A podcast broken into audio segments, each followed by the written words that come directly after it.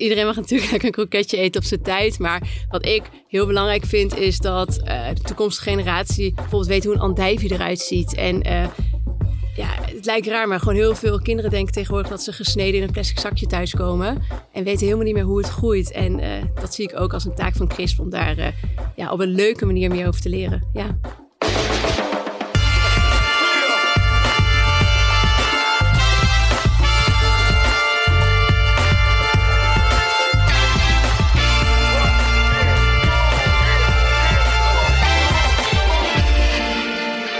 Goedemorgen, goedemiddag, goedenavond of wanneer je dit ook luistert. Welkom bij The Brief, een podcast over merken, marketing en content van Wayne Parker Kent. Mijn naam is Gerben van der Rijt. Ik ben Charlotte van Dijk. En ja, ook in de show van vandaag hebben we weer een interessante gast in de studio. Maar voordat we daar naartoe gaan, um, hebben we eigenlijk iets nieuws wat we met de luisteraar willen delen. En dat is niet zo heel erg leuk. Char? Nee, nou ja, dit is helaas mijn uh, laatste The Brief aflevering als host. Wauw. Um, Waarom? Ja, waarom? Dat is een beetje lastig. Waarom ga je mij verlaten? Waarom ga je ons allemaal verlaten?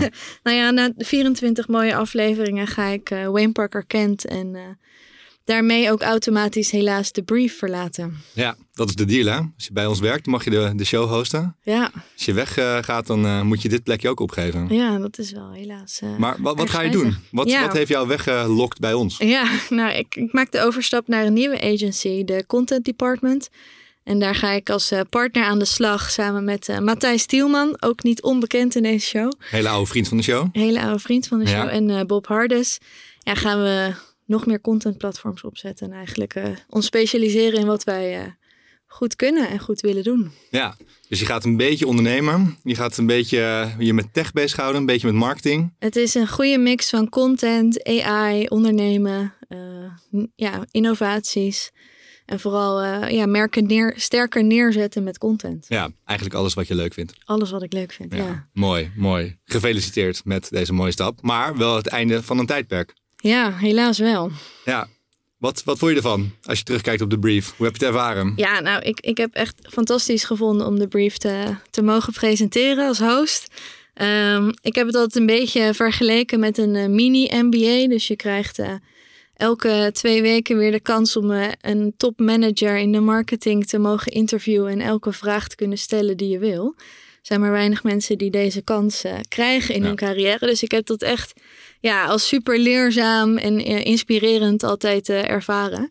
En ja, vind dan ook jammer dat ik dat moet afsluiten. Ja, je hebt er 24 gedaan. Ja. Wat waren de hoogtepunten?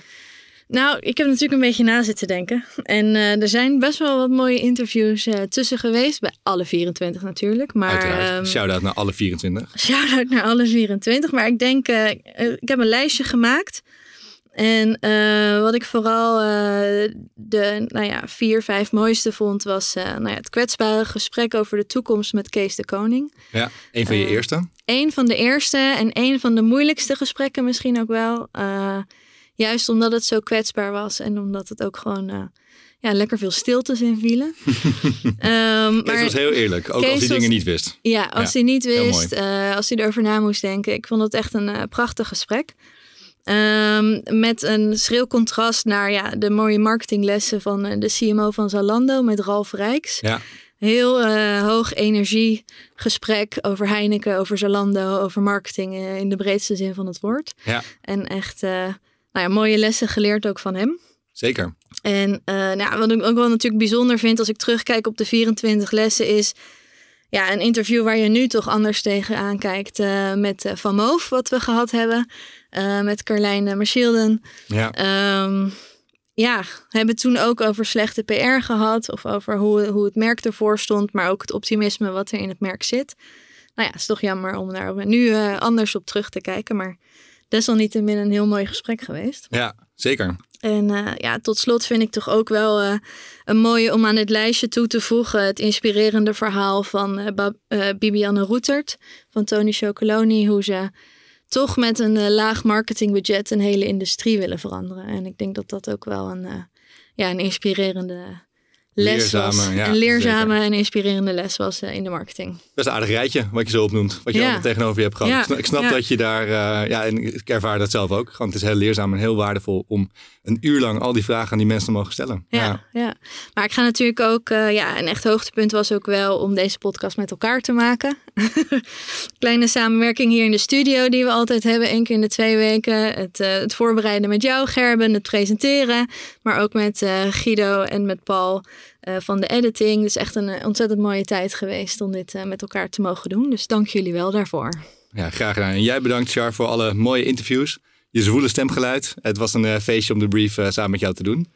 En ja, we gaan zien wie jouw plekje gaat overnemen vanaf de volgende aflevering. Ja, het is nog even spannend. Volgens mij gaan we een beetje roleren totdat we een definitief een nieuwe host hebben. Dus ja, vanaf de volgende aflevering een ander stemgeluid naast dat van mij en dat van de gast. Maar wie of wat dat gaat zijn, dat eh, houden we nog heel even ja, geheim, want we weten het zelf ook niet. Ehm, je laatste dus. Waarom wilde je per se Crisp te gast hebben in jouw laatste aflevering? Nou, ik hoopte natuurlijk dat ze croissantjes mee gingen nemen. nee, maar los daarvan, eh, het is een bedrijf wat echt super snel gegroeid is en dat twee keer op rij eh, door consumenten verkozen tot de online supermarkt van het jaar. Best een prestatie. Best een prestatie en een on- ontzettend mooie marketingformule. Dus bij de, ja, zeer geïnteresseerd om te kijken wat er allemaal achter zit. Ja, mooi merk om aan dat rijtje van net ook toe te voegen volgens mij. Zeker. Ja, en degene, de gast die we hier alles over mogen vragen vandaag is marketingdirecteur Marloes Dobbe. Volgens mij hebben we genoeg te bespreken met haar, dus laten we haar snel aan jullie voorstellen. Marloes Dobbe is gek op data, maar ook fan van creativiteit. Waar kan je die passies beter verenigen dan in ons mooie marketingvak? Hoewel ze voortvarend van start ging bij de HEMA, gaf een ontmoeting met Pieter Zwart van Coolblue haar loopbaan pas echt een glimlach. In 2014 begon ze bij de webwinkel, die op dat moment een naamsbekendheid had van slechts 5%. Drie keer met de ogen knipperen en Coolblue was een retailer geworden die niet meer was weg te denken uit het straatbeeld. Een nieuwe nationale trots, met een jaloersmakend marketingverhaal en nog jaloersmakendere groei. Toen het na zes jaar ging kriebelen, stond Crisp voor haar deur. Op dat moment gerund vanaf een zolderkamer. Nu, vier jaar later, is Crisp uitgegroeid tot de nummer 1 online supermarkt van Nederland. En dat tovert ongetwijfeld weer een glimlach op haar gezicht.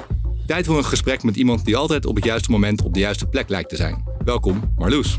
Dankjewel. Wat een leuke intro. Alsjeblieft. Ja, Hoe gaat het met je?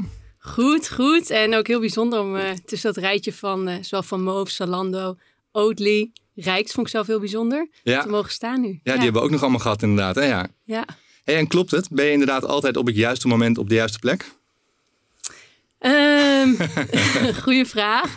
Eh, er zijn wel wat vrienden in mijn omgeving die vaak hebben gezegd van je hebt een beetje een neusje voor eh, snel groeiende bedrijven en eh, mooie merken. Ja. Ik weet niet of het een neusje voor is of gewoon heel veel met mensen praten in het vakgebied. Ik vind het heel leuk om ondernemersverhalen te horen en te horen ja, wat hun drijft. Ja. En zo ja, eigenlijk nieuwe keuzes te maken. Ja.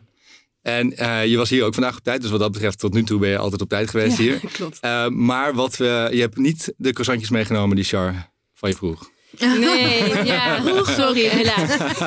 Ik heb wel heel veel andere mooie producten mee, meegenomen. Daar zal ik straks kregen- meer over vertellen. Ja, ja we kregen een, een, een goed gevulde goodiebag nog voordat we de studio ingingen. Dus als je eh, wat eetgeluiden hoort, dan eh, zijn we wat aan het smakken hier.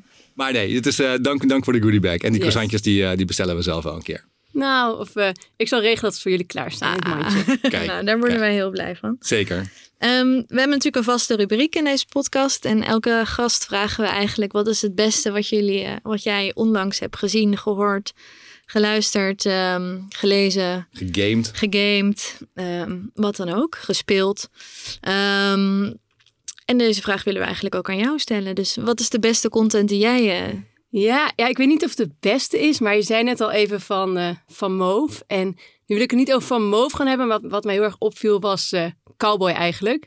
Het kleine broertje van Van Move uit eh, België. ja. Ik denk, eh Van Move is denk ik 14 jaar oud. En zij nog maar zo'n 6, 7 jaar oud. Ja. En wat gebeurde op het moment dat eh Van Move een faillissement aankondigde... kwamen zij met een app om je fiets te kunnen blijven gebruiken.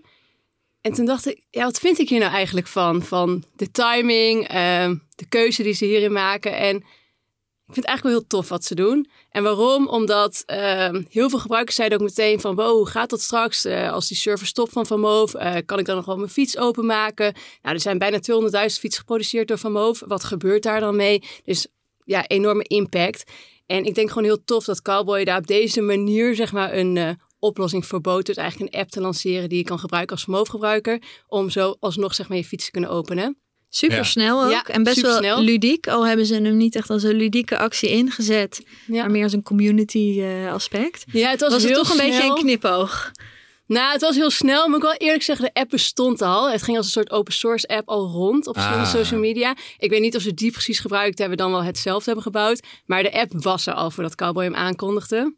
Oké, dus hebben eigenlijk iets wat er al bestond, hebben ze super slim geclaimd op het Ja. juiste moment. En op die manier geprobeerd om natuurlijk wat eh, sympathie van, de van Move-liefhebbers eh, over te brengen naar de Cowboy Club. Ja, en wat ik eigenlijk wel tof vond, ging even kijken op LinkedIn bij de founders zelf van Cowboy. En daar schreef ook de CTO over eigenlijk het respect naar Van Moof. De verandering die ze teweeg gebracht hebben tot eigenlijk een elektrische fiets die eerst alleen bekend waren bij opa en oma. En die gewoon heel tof hebben gemaakt met een mooi design en heel snel Ja. populair hebben gemaakt. En ehm, ja, ze vroegen eigenlijk om een stuk respect daarin. En later zag ik in een mail die ik van Van Moof kreeg met een eh, Q&A van ja, wat nu? Zeg maar, wat gebeurt er nu? Ik ben zelf ook een Van Jij Moof hebt een Van Moof, gebruiker. ja, ik heb een Van Moof inderdaad. Gelukkig niet kapot, eh, werkt top. Ehm, dat zij zelf ook schreven van eh, download vooral die app van Cowboy. En, en dat vond ik wel heel mooi, dat op zo'n moment twee bedrijven toch samenkwamen. Ja. ja, het is ook vanuit Van Move natuurlijk best wel het beste wat je nu kan, kan doen. Ja. mensen aanmoedigen om dan maar in ieder geval die app te downloaden. Zodat je je Van nog kan gebruiken. En ze in ieder geval nog eh, een tijdje te bewonderen zijn in het straatbeeld. Ja. Zeker, zeker, ja. Ja, blijft de gemoederen bezighouden van Move. eh, ook in deze studio. En, en terecht. Ik denk dat eh, er nog lang niet alles over gezegd is. Eens, ja. En het, is, ja, het, het raakt mensen. Dat blijkt. In de bubbel. In de bubbel. Het raakt mensen binnen de ring. Oké. Eh, dank voor je tip, eh, Marloes. We zetten hem, eh, net zoals alle tips en alles wat we zo meteen gaan bespreken, in de show notes. Die vind je wederom op www.thebrief.nl. En dan gaan we nu door met het interview. Een ontmoeting met Pieter Zwart van Coolblue bracht je carrière eigenlijk in een stroomversnelling. Vertel, hoe is het eigenlijk gegaan en hoe ben je bij Coolblue terechtgekomen? Ja, dus terwijl ik bij HEMA aan het werk was, eh, sprak ik op een gegeven moment op een eh marketing-event over eh, Oh, mijn scriptie nog. Ik was eh, op dat moment nog maar een jaar afgestudeerd. En dat ging over eh, de kracht van, van de klant. Het ging over reviews. En dat klinkt nu best wel ouderwets, zo tien jaar later. Maar op dat moment was eigenlijk alleen bol.com, zeg maar uit Nederland, nog maar bekend om de reviews.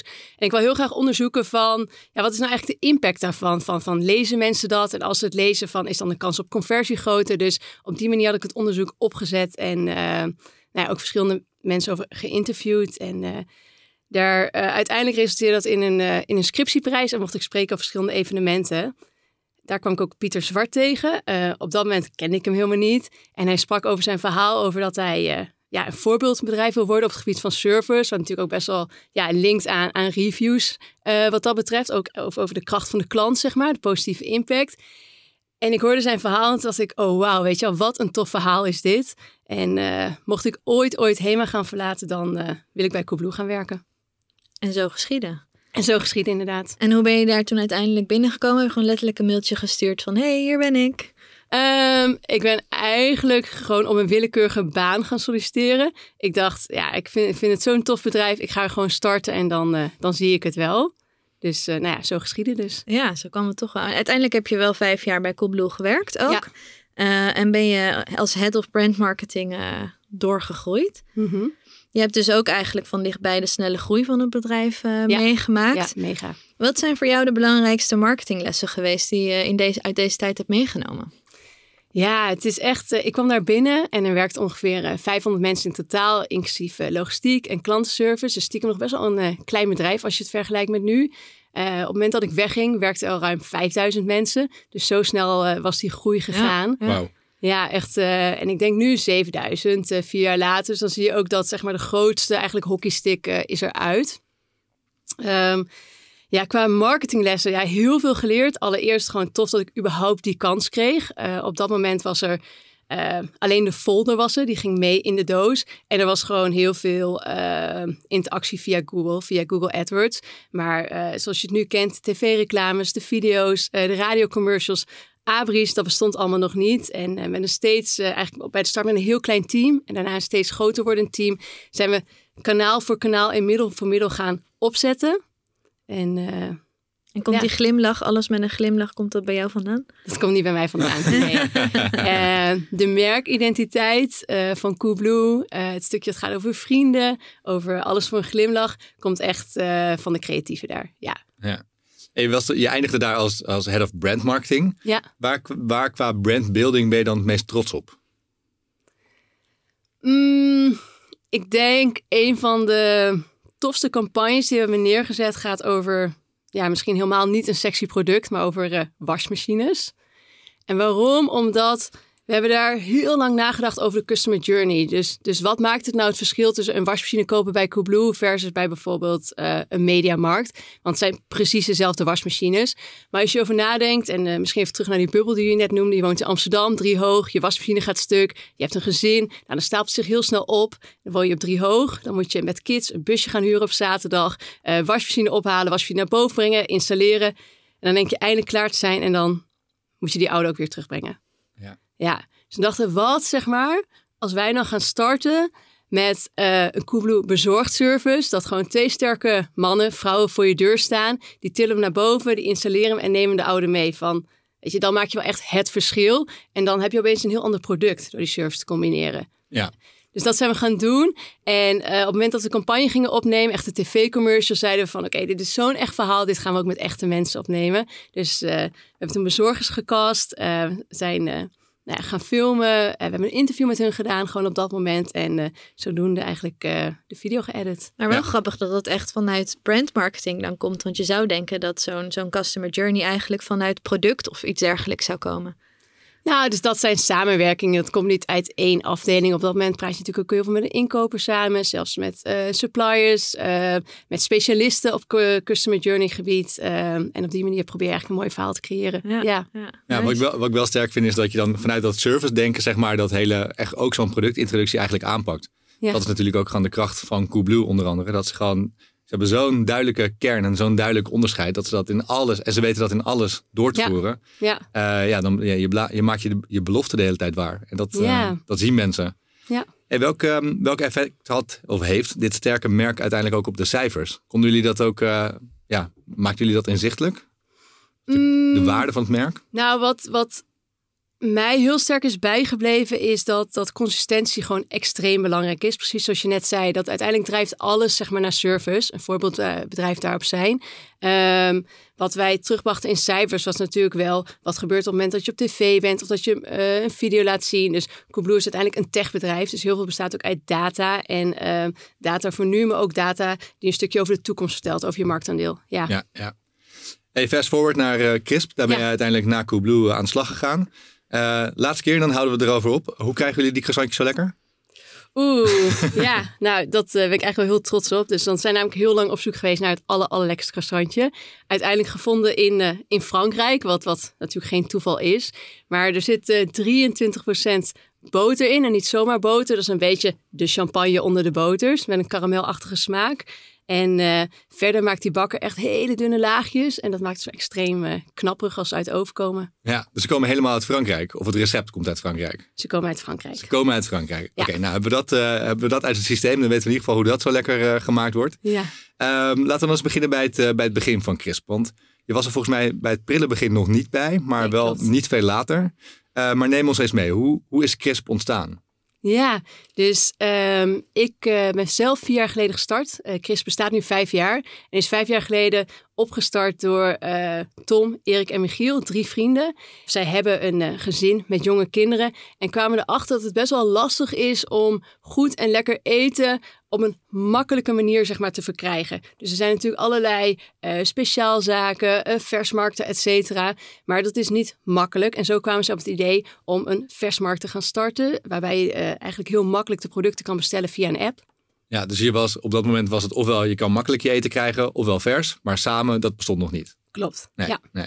Voor wie is Crisp? Het voor, eh, vooroordeel is natuurlijk dat het eigenlijk alleen voor de elite uit de bubbel zou zijn. Maar je zegt veel. Wie is jullie doelgroep? Ja, dus wat we merken is dat we eigenlijk voor iedereen er zijn in Nederland. Eh, we leveren ook door heel Nederland, zowel in eh, de steden als buiten de steden. Dus een beetje 50-50 is die verhouding. Ja. En ehm, dat als je verder inzoomt, dan zijn we vooral voor ja, drukke gezinnen met uh, kleine kinderen. Die het heel belangrijk vinden ook om uh, goed en vers uh, eten in huis te hebben. Maar niet de tijd hebben om nou ja, al die versmarkten af te gaan. Ja, maar het is natuurlijk wel iets, iets duurder dan gemiddeld. Als ik kijk naar als je het vergelijkt met een picknick of een andere supermarkt, dan ligt het natuurlijk de prijs wel gemiddeld iets hoger. Nou, wat je ziet is dat prijzen van uh, dezelfde producten, het is maar net als je met elkaar vergelijkt, ook uh, hetzelfde prijspunt hebben. En daar letten we ook op. Ja. Uh, producten met daadwerkelijk een andere kwaliteit kunnen ook een ander prijspunt hebben. Maar dan heb je het ook over een ander product. Ja, ja precies. Want je zegt al, ja, het verse aanbod van topproducten voor jullie is in ieder geval key.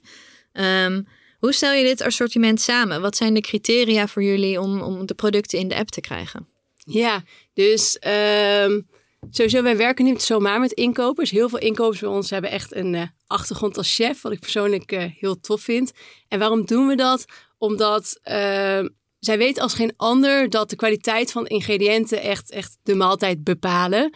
En zo heb je ook andere dingen die belangrijk zijn bij het inkopen van fruit of van vis of van vlees. En zij zijn echt de specialist daarin. Dus er is ook niet één lijstje je kan noemen van oké, als het daaraan voldoet, dan komt het in de app. Wat wel heel belangrijk is, wij zeggen altijd liever van dichtbij dan ver weg en liever vers dan lang houdbaar.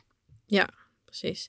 Oké, dus dat zijn de duidelijke criteria. En, en, maken jullie dan ook nog een keuze in uiteindelijk de partners waar je mee samenwerkt? Ja, zeker. Dus um, we werken heel nauw samen met onze partners en daar is ook het systeem op gebouwd. Dus we hebben geen winkels waar eten ligt te wachten. Wij bestellen echt rechtstreeks in bij onze partners en die leveren het aan ons. Dus als jij bijvoorbeeld vandaag kersen bestelt, dan zijn ze gewoon binnen 48 uur bij je. Dus worden gewoon geplukt door iemand die wij kennen en die wij vertrouwen. Waarvan we weten uh, wat ze gebruiken, wat voor middelen, hoe ze telen, hoe ze met de bodem omgaan uh, en al dat soort dingen. Ja. En die zitten bij, uh, voornamelijk in Nederland, maar ook uh, dichtbij. Frankrijk, België, Duitsland. Um, dus uh, afhankelijk van het product natuurlijk. Ik denk mm -hmm. de croissant is een uitzondering erop. Verder proberen we alles van zo dichtbij mogelijk te halen. Ja, maar je zegt er wordt pas besteld op het moment dat ik bestel. Ja. Maar ik kan soms ook al wat dingen morgen in huis krijgen. Dus hoe, hoe werkt dat dan als er dan 48 uurtjes in zit? Ja, dus wat je bijvoorbeeld ziet is uh, brood is een goed voorbeeld. Dus het brood wat jij vandaag bestelt wordt uh, einde dag of uh, zelfs s'nachts gebakken. Wordt s ochtends aangeleverd bij ons en dan in de middag naar jou toegebracht. Ja, mooi. Jullie zeggen op de website dat jullie slimme technologie gebruiken om het eten knettervers bij de mens te krijgen. Nou, ik weet dat je niet van de afdeling technologie bent, maar we zijn vanuit marketingperspectief toch ook wel benieuwd hoe dat dan, ja, wat, wat dat dan voor benefits voor de mensen oplevert en hoe jullie dat geregeld hebben. Ja, dus vanuit Chris proberen we de keten zo kort mogelijk uh, te houden. We werken niet met uh, onnodige stops. We werken niet uh, met winkels waar eten ligt te wachten om wel of niet verkocht te worden. Dus wij werken direct samen met de bron. Dus op, nou eigenlijk die technologie zorgt ervoor dat zowel vraag als aanbod zo goed mogelijk bij elkaar samenkomt. Ja, en dan wordt veel gesproken in jullie domein over the last mile. Ja. Hoe, hoe hebben jullie die, de last mile geregeld en hoe, hoe, ja, hoe is dat bij jullie ingericht? Ja, en bedoel je met de last mile specifiek de bezorging? Ja, de bezorging, ja, precies. Dat, dat schijnt, daar schijnt de, de meeste winst te behalen te zijn als het gaat over, uh, uh, nou inderdaad, binnen 24 uur leveren of het, uh, of het zo goedkoop mogelijk of zo duurzaam mogelijk bezorgen, zeg maar. Hoe, dus hoe, hoe kijken jullie naar die last mile? Ja, dus wij bezorgen met name met elektrische busjes door heel het land. Die kennen we. Ja, dat is mooi. Met uh, de seaweed kleur. Uh, bij klanten thuis. En uh, dat doen we door middel van een hele efficiënte route. En waarbij we klanten echt proberen te helpen, is uh, met onze WhatsApp-service. Dus stel, je wil net even de hond uit gaan laten en bent er even niet, kan je ons gewoon een appberichtje sturen van, joh, zet het voor de deur. En nou ja, zo proberen we ook de klant te helpen. Ja. Kan ik op elk moment van de dag ook bij jullie laten bezorgen? Of, of controleren jullie dat een beetje? Hoe bedoel je laten bezorgen? Nou, je hebt natuurlijk sommige uh, online supermarkten moet je vooraf een tijdslot uh, kiezen. En dan ja. in jouw wijk komen ze alleen uh, op dinsdagmiddag ah, om vier uur. Ja. en anderen die zeggen van kies jij maar, wij komen wanneer jij dat wilt. Hoe, ja. Wat is jullie beleid? Ja, dus je kunt zelf kiezen tot om een uur nauwkeurig. Tot om een uur nauwkeurig? Ja. Oké, okay, oké. Okay. Alright. Hey, en um, we hebben het net al een klein beetje gehad over prijs. Dat ligt iets hoger voor sommige producten dan bij andere. Of in ieder geval de perceptie is hoger. Um, jullie werken ook, en dat vond ik zelf wel opvallend, jullie werken niet met een abonnement, maar je betaalt per keer. En dat is een beetje contra wellicht in een tijd waarin veel online uh, startups en online spelers juist voor dat abonnementsmodel kiezen. Uh, in jullie categorie bijvoorbeeld HelloFresh heeft dat een uh, tijdje geleden ook gedaan. Waarom hebben jullie daar niet voor gekozen? Waarom hebben jullie gekozen voor de, ja, de normale supermarktafrekening, zeg maar? Ja, dus um, ik geloof er extreem in dat wanneer je een goed product levert, dan heb je dat ook helemaal niet per se nodig. Dan komen mensen vanzelf terug. En dat zien we ook, want letterlijk 80% van de aankopen zijn herhaalaankopen van klanten.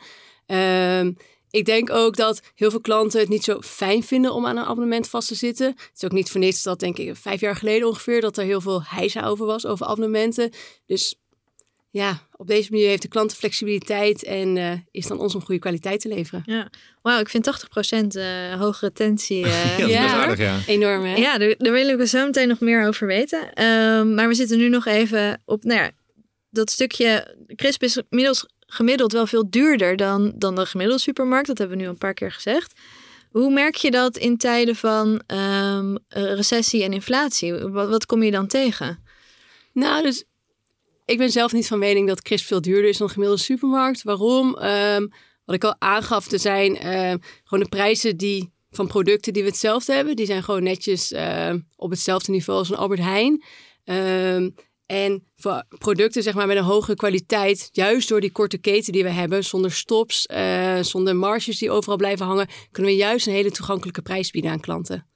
Ja, nou, we hadden net namelijk, waarom ik het zeg, en ik snap inderdaad wat je zegt, van dat de, de prijs van dezelfde kwaliteit, uh, dat je daar naar moet kijken. Ja. We hadden zelf even een, uh, voor de grap een, een, een picknick uh, lijstje gemaakt en daarnaast een crisp lijstje. En toen kwam crisp natuurlijk wel veel duurder uit de, uit de bus, maar meer in de zin van dat je dan niet dezelfde type kwaliteit hebt en niet dezelfde versheid. Dus ik snap daarin dat je natuurlijk zegt van ja, wij zijn gewoon goede prijskwaliteit. Ja. Wat dat betreft. Nou, dus ik denk uiteindelijk gaat het erom dat je toegankelijk bent en dat je prijs-kwaliteitsverhouding klopt. En daar proberen we elke dag ja. voor te zorgen door die keten zo kort mogelijk te maken. Ja, mooi.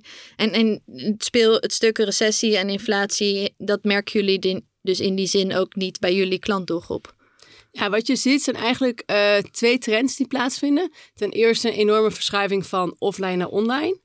Uh, en ten tweede dat er veel meer bewustzijn komt over waar eten nou eigenlijk vandaan komt. Ja. En wat er met eten is gebeurd. En waarom is eigenlijk eten zo lang houdbaar in de supermarkt? Wat, wat zit er dan in? Wat zit er dan op? Wat, wat voor gekke toevoegingen zijn er gedaan? Dus steeds meer mensen zijn zich van bewust dat ze liever lokaal eten, liever vers eten en liever puur eten. Ja. En je merkt ook dat als je echt kwaliteitsingrediënten gebruikt, dan heb je ook niet zo heel veel nodig in een gerecht. Ja, mooi. Uh, jullie missie is uiteindelijk om uh, meer mensen beter te laten eten. Ja. Uh, ik kan me voorstellen dat als dan inderdaad, als je in een recessie komt of mensen hebben het financieel wat zwaarder, eh, dat het dan wel lastiger wordt om zeg maar aan die, ja, richting die missie toe te werken. Eh, als, het, als jullie aanbod voor meer mensen onbereikbaar wordt. Merken jullie daar wat van dan? Op die manier? Of kijk je er ook vanuit die missie ook dan naar? Mm, ja, dus tot nu toe hebben we een hele goede groei. En uh, ja, merken gewoon dat het bewustzijn van mensen, uiteindelijk is het ook een keuze natuurlijk, steeds, steeds groter wordt over lokaal en puur eten. Dus wij lopen ook niet achter de mensen aan. Het is eerder dat wij proberen zo goed mogelijk een marktplaats aan te bieden, waarin uh, eigenlijk onze 800 makers en telers uh, hun aanbod doen en klanten zeg maar kunnen kopen. En tot nu toe ja, gaat dat heel goed. Ja. Groei. Ja, dus klanten weten ons te vinden. Goed zo. Uh, we lazen ergens, en ik weet niet of het klopt, en ik weet niet of je recente cijfers mag noemen, maar we lazen ergens dat uh, Crisp, uh, dat was oktober 2022, 750.000 actieve gebruikers had op dat moment. Mm -hmm. um, dat, dat, is dat nog steeds zo, of is dat iets meer inmiddels al? Dat is inmiddels iets meer. Iets meer, ja. oké, okay, goed zo. um, wat, wat zijn de belangrijkste drivers geweest voor die groei? Hoe, hoe hebben jullie nou de meeste klanten geworven? Ja, um, als je kijkt naar nieuwe klanten, dan zijn er eigenlijk drie grote drivers. Dus één drijver is echt uh, organisch, waar we natuurlijk een heel groot stuk uh, PR ook in zit. Uh, waar een stukje mond-tot-mond reclame in zit. Mm -hmm. Een andere is ons Invite a Friend programma. Dan kom je eigenlijk weer terug op mijn scriptie ooit over elkaar een aanbeveling doen. Want dat is nou meer betrouwbaar dan een aanbeveling van een familielid of een vriend. Dus dat is een programma wat heel sterk werkt. En dat is dan niet een soort standaard programma van jij 5 euro, ik 5 euro.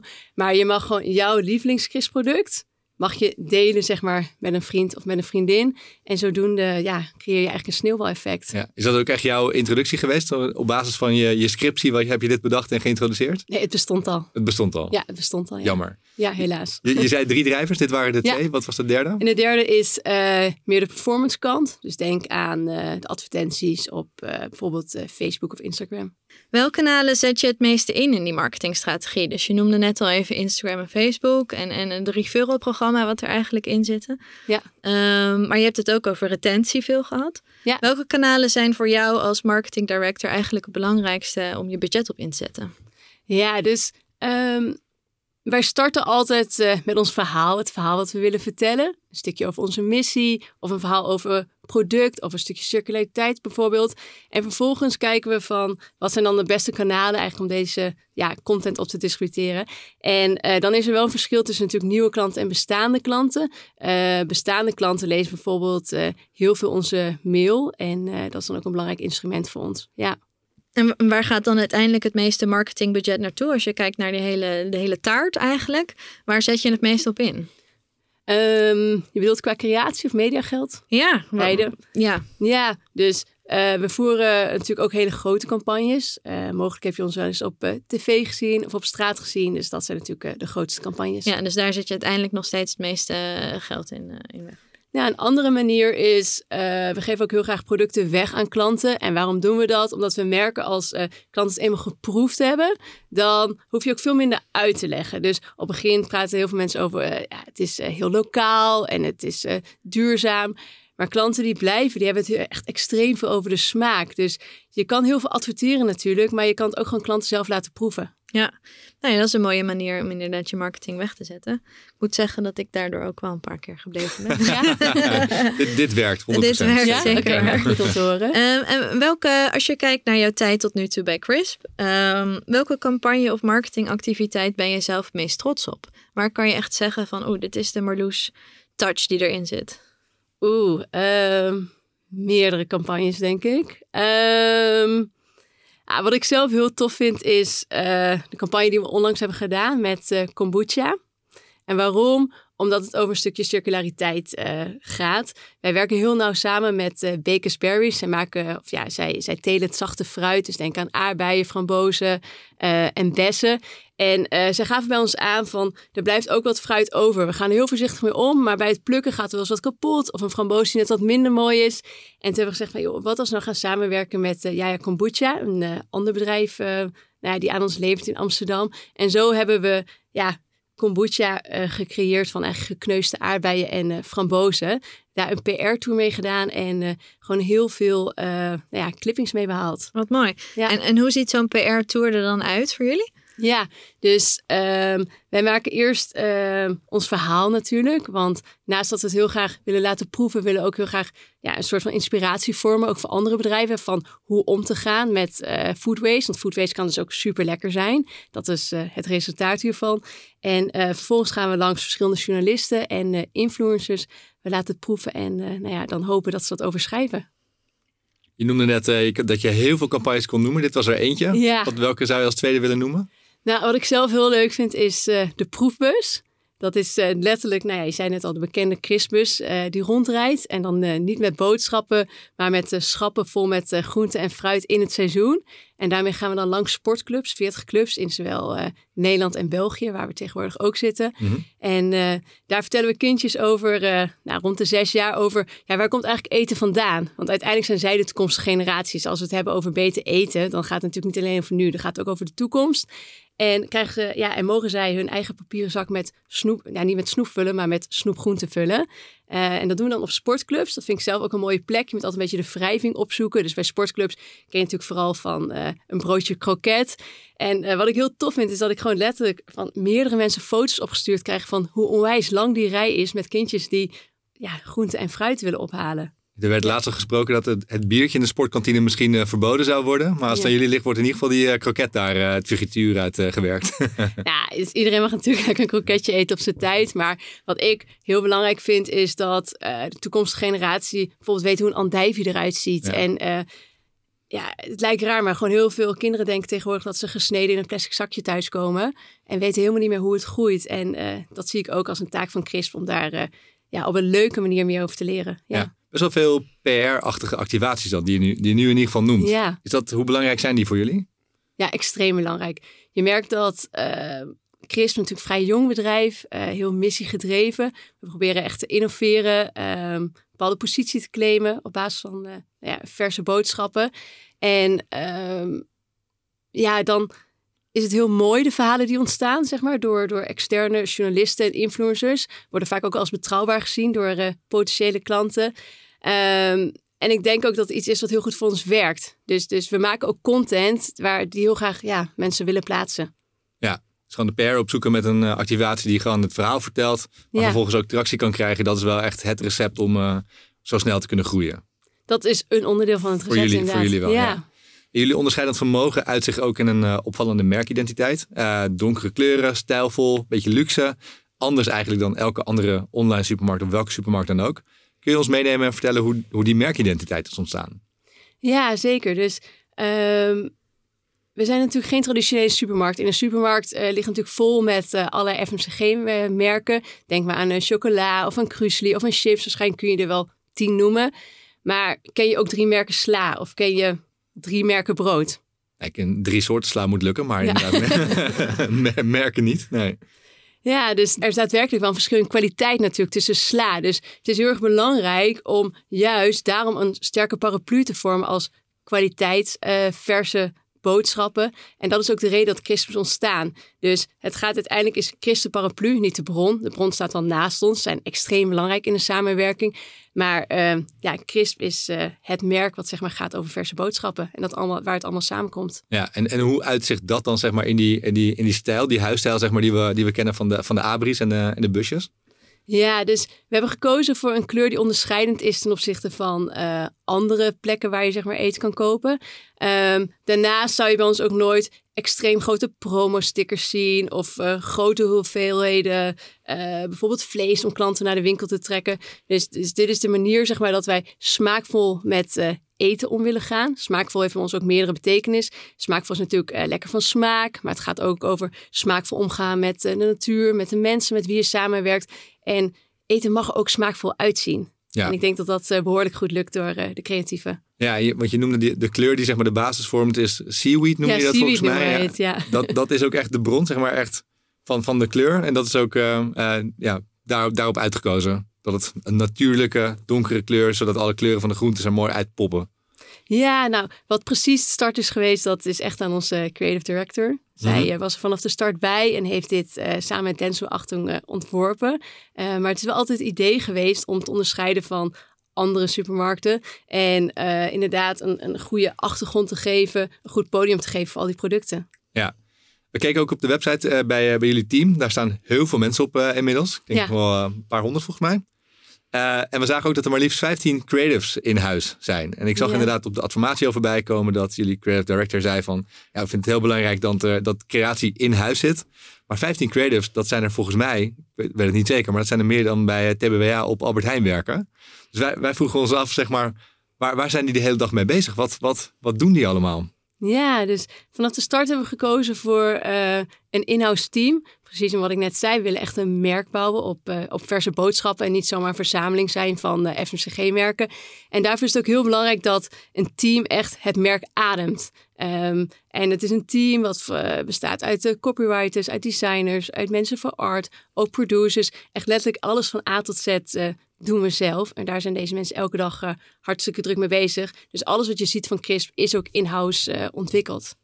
Ja, en, en waarom is het dan echt zo belangrijk om, om dat allemaal in huis te hebben? Ik bedoel, heel veel bureaus hebben natuurlijk ook weer kennis die, uh, die je wellicht in huis niet kan krijgen. Of je, je bent toch beperkt aan je, aan je marketingbudget of je aantal FTE's wat je mag aannemen. Ja, ja, dus we werken ook zeker met uh, reclamebureaus samen. Ik denk dat uh, ten eerste is een frisse blik heel belangrijk. En uh, ik ben het ja, met je eens dat er gewoon extreem veel talenten rondlopen.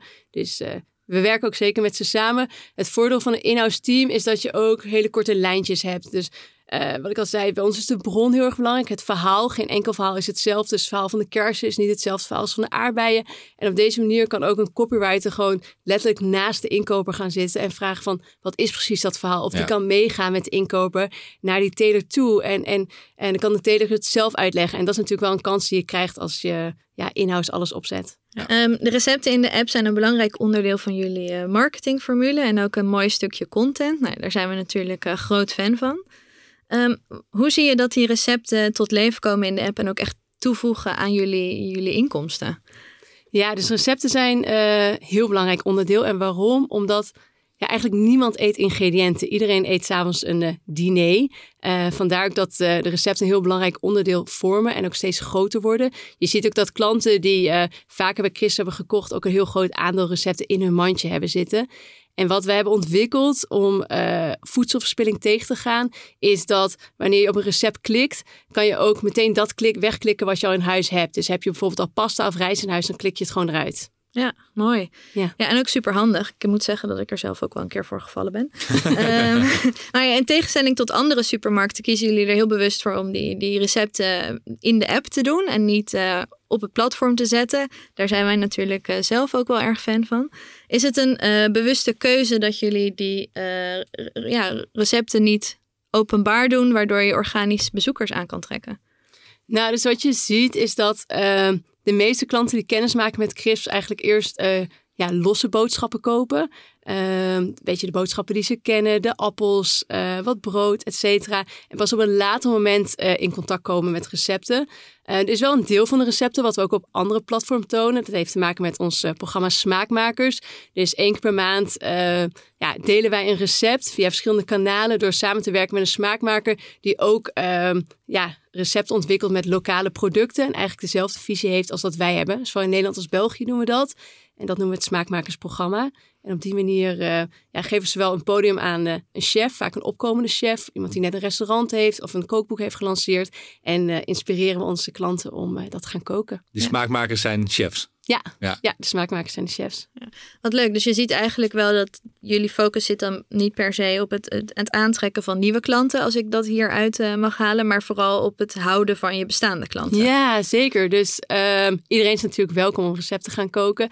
Maar wat je ziet in de praktijk is dat uh, ja, boodschappen doen is denk ik een van de ja, meest verweven dingen die mensen doen. Je ziet ook een gemiddeld gezin koopt ongeveer 100 producten per week, waarvan het grootste deel gewoon herhaalaankopen zijn. En, ja, en, en hoe ga je dat veranderen als je altijd ja, hetzelfde brood, hetzelfde appel, hetzelfde ketchup hebt en laat staan een recept. Dus vaak begint het toch een beetje voorzichtig en uh, worden de mandjes steeds groter en zie je dat mensen ook uh, recepten gaan kopen. Ja. Cool. Nou ja, we zien natuurlijk nu in de markt uh, dat steeds meer flitsbezorgers massaal failliet gaan. Uh, is dit voor jullie een, uh, een kans of een uh, angst? Beide niet. Nee, het is echt een totaal andere markt. Ja. Kan je uitleggen waarom? Ja, dus dat gaat echt over ehm, een paar aankopen, spulletjes die je vergeten bent, spulletjes die je nu hebt. Terwijl als je kijkt naar ehm, wat klanten bij ons doen, zijn vaak drukke gezinnen die uh, gepland zeg maar de week doen, die vaak op dezelfde dag laten bezorgen, in één keer voor de hele week. Uh, nou, wat je al aangaf, zitten veel recepten in. Dus daar, daar is echt over nagedacht. En het is voor hun een efficiënte manier om goede producten zeg maar voor de hele week in huis te krijgen. En dat is iets anders dan uh, ik ben de tomatensaus vergeten en ben nu pasta aan het koken. Ja, echt een totaal andere markt. We hadden het net al over, over faillissementen gesproken. We hadden het net ook al in het begin over, over Van Moof. Kijken jullie daar, en dat is helemaal een andere markt, begrijp ik, maar jullie zijn ook een snel groeiende Nederlandse start-up. Kijken jullie daar dan wel naar en denk je dan ook van, goed, wat, voor, wat voor lessen kunnen wij van dat verhaal leren? Mm, nee, nee. Dus wij kijken heel erg naar onszelf en zijn heel erg kritisch op onszelf. Uh, hebben ook veel discussies met elkaar uh, en met investeerders natuurlijk, continu. Van, van hoe, uh, wat gaan we doen, stap voor stap. Dus ehm, extreem, extreem kritisch intern, maar veel minder mee bezig wat er extern gebeurt. Ja, maar jullie eh, stap voor stap hoor ik je zeggen. Ja. Bij Van Moof is het misschien wel, hebben ze een paar keer een paar stappen overgeslagen. Dus wellicht, wellicht is dat al een, eh, een andere manier van, uh, van ja, aanpak, zeg maar. Ja, durf ik natuurlijk niet te zeggen. ik was er niet bij. Nee. jullie hebben, wat je net zegt, je hebt ook investeerders die meekijken. Aan de andere kant heb je een hele sterke missie. Mhm. hoe, hoe, is, het, is het moeilijk om die twee te balanceren? Want je missie is natuurlijk ja, leidend, maar aan de andere kant investeerders die willen waarschijnlijk uh, onderaan de streep wel zwarte cijfers of in ieder geval groei zien. Is het moeilijk om dat te balanceren? Ja, ik denk uh, dat moment dat je zeg maar samen gaat met investeerders ook heel belangrijk is dat de investeerders bij je passen. Ja. Uh, dus ook daar zijn we heel kritisch op geweest. En ik ben heel blij dat uh, de investeerders die wij hebben ook echt achter deze missie staan. Dus het zijn niet het is niet zomaar een investering. Zij geloven er ook in dat die markt van bewust eten, dat die vanzelf groter gaat worden. Ja. ja. En jullie zijn, uh, jullie zijn uh, nou ja, we hebben het al een paar keer gezegd, jullie zijn zelf ook flink gegroeid. Jullie zijn op een gegeven moment ook uh, naar België gegaan. Ja. Um, hoe, hoe is dat gegaan? Hoe hebben jullie België aangepakt? Ja, Ehm, het was voor mij voor de tweede keer naar België. Dus dat uh, scheelde dat ik één keer bij Coolblue had, had meegemaakt. Je wist wie je moest bellen? nou, ik, ik had al een paar dingen geleerd. Want je denkt heel snel van bijna dezelfde taal in Vlaanderen. Ehm, en we gaan het kopiëren, maar ik denk dat dat uh, dan precies uh, niet, uh, niet het goede idee is. Ehm, wat ik nog heel sterk wist uit de Coolblue-tijd is dat voor Nederlanders is een stuk service, gemak, vandaag besteld, morgen in huis, is heel normaal. We hadden natuurlijk ook al een hele tijd bol.com, Zalando die er was, Coolblue. Maar voor Belgen is het helemaal niet zo vanzelfsprekend dat als je iets vandaag bestelt, dat je ook echt morgen in huis hebt. Dus over het stukje zeg maar gemak um, is het extreem belangrijk om daar in België over te praten. Daarnaast, als je kijkt naar het stuk smaak, dan moet ik heel eerlijk zeggen dat de gemiddelde Belg um, nou ja, iets meer smaak heeft dan de gemiddelde Nederlander. Verbaas me ook niet. Dus. Statement. Nee. Ja, um, dus ik denk ook niet dat het aan Crisp is, aan een Hollands bedrijf, om Belgen te gaan vertellen hoe ze moeten eten. Het is denk ik wel aan ons om te faciliteren dat ook zij zeg maar, die producten op een gemakkelijke manier bij hun thuis krijgen. Ja, dus zit je verhaal daar heel erg op inderdaad uh, mensen bewust maken van hoe fijn het is als je gemakkelijk je, je, verse groente en fruit uh, thuis kan bezorgd kan krijgen? Ja, dus we hebben ook bewust gekozen bij de start om samen te werken met uh, lokale influencers, ook een lokale chef een eigen YouTube-kanaal, die ook dezelfde visie heeft over eten van dichtbij. En met hun hebben we echt de campagne opgezet. En ging het inderdaad over de kracht van ja, het Vlaamse eten, dus mhm. wat ze al hebben, gefaciliteerd door CRISP. Ja. ja, en als je dan terugkijkt op de, nou, de paar jaar dat je nu bij Crisp zit, dan is vast niet alles goed gegaan. Als je nu uh, zou, uh, ja, iets opnieuw zou mogen doen, wat, wat zou dat zijn? Wat zou je anders aanpakken? Mm, ik denk bij de start dat uh, er soms iets veel aannames zijn geweest. Dus als je kijkt bijvoorbeeld de meeste klanten die kopen hun uh, weekboodschappen bij ons. Is ook niet anders dan bij een Albert Heijn of Picnic. Behalve dan uh, de croissant. Dat is de enige die bij ons in de top 10 staat en daar niet. Maar verder verkopen wij ook gewoon appels en komkommers. Ja. Um, waardoor ik dacht, dan moet de marketing daar ook over gaan. Maar nee, zo werkt het dus niet helemaal. Want je merkt juist omdat het zo'n gewoonte is, boodschappen doen, dat het soms makkelijker is voor mensen, juist op momenten zoals kerst en Pasen, wanneer ze uitpakken, om dan een keer wat anders te gaan proberen. Um, dus als ik het weer opnieuw zou doen, dan zou ik denk wat iets nog, ja, nog meer, want we focussen natuurlijk al heel veel op de feestdagen, ja. maar zou ik er nog meer focussen. Ja. Ja, maar loop je dan niet het risico dat je heel erg juist alleen dat feestmoment zeg maar claimt en, en, en juist weer die dagelijkse boodschappen vergeet? Mm, uiteindelijk moet je natuurlijk beide doen. Maar precies om wat je omschrijft was ook de reden dat, dat, ja, dat ik het eerst niet deed. Um, maar je ziet dat als iemand eenmaal crisp heeft geprobeerd, dan is er een hele grote kans dat iemand blijft. En, en ongeacht of het nou om een doordeweeks moment is of met een feestdag. En als de kans groot is dat iemand ons gaat proberen met een feestdag, dan, uh, dan is dat helemaal goed. Ja. ja. ja. Vertel, vertellen jullie wel genoeg over, over de missie achter, het, uh, uh, achter de hele aanpak? Ja, het is nog niet genoeg. Nee. Dus als je terugkijkt naar uh, de start, eigenlijk de eerste campagne op tv, was die behoorlijk emotioneel. Die ging echt over de smaak, over ja, uh, de smaak van het eten. Um, vervolgens zagen een collectief onderzoek dat um, heel veel mensen zich afvroegen, maar wat is gif nou eigenlijk precies?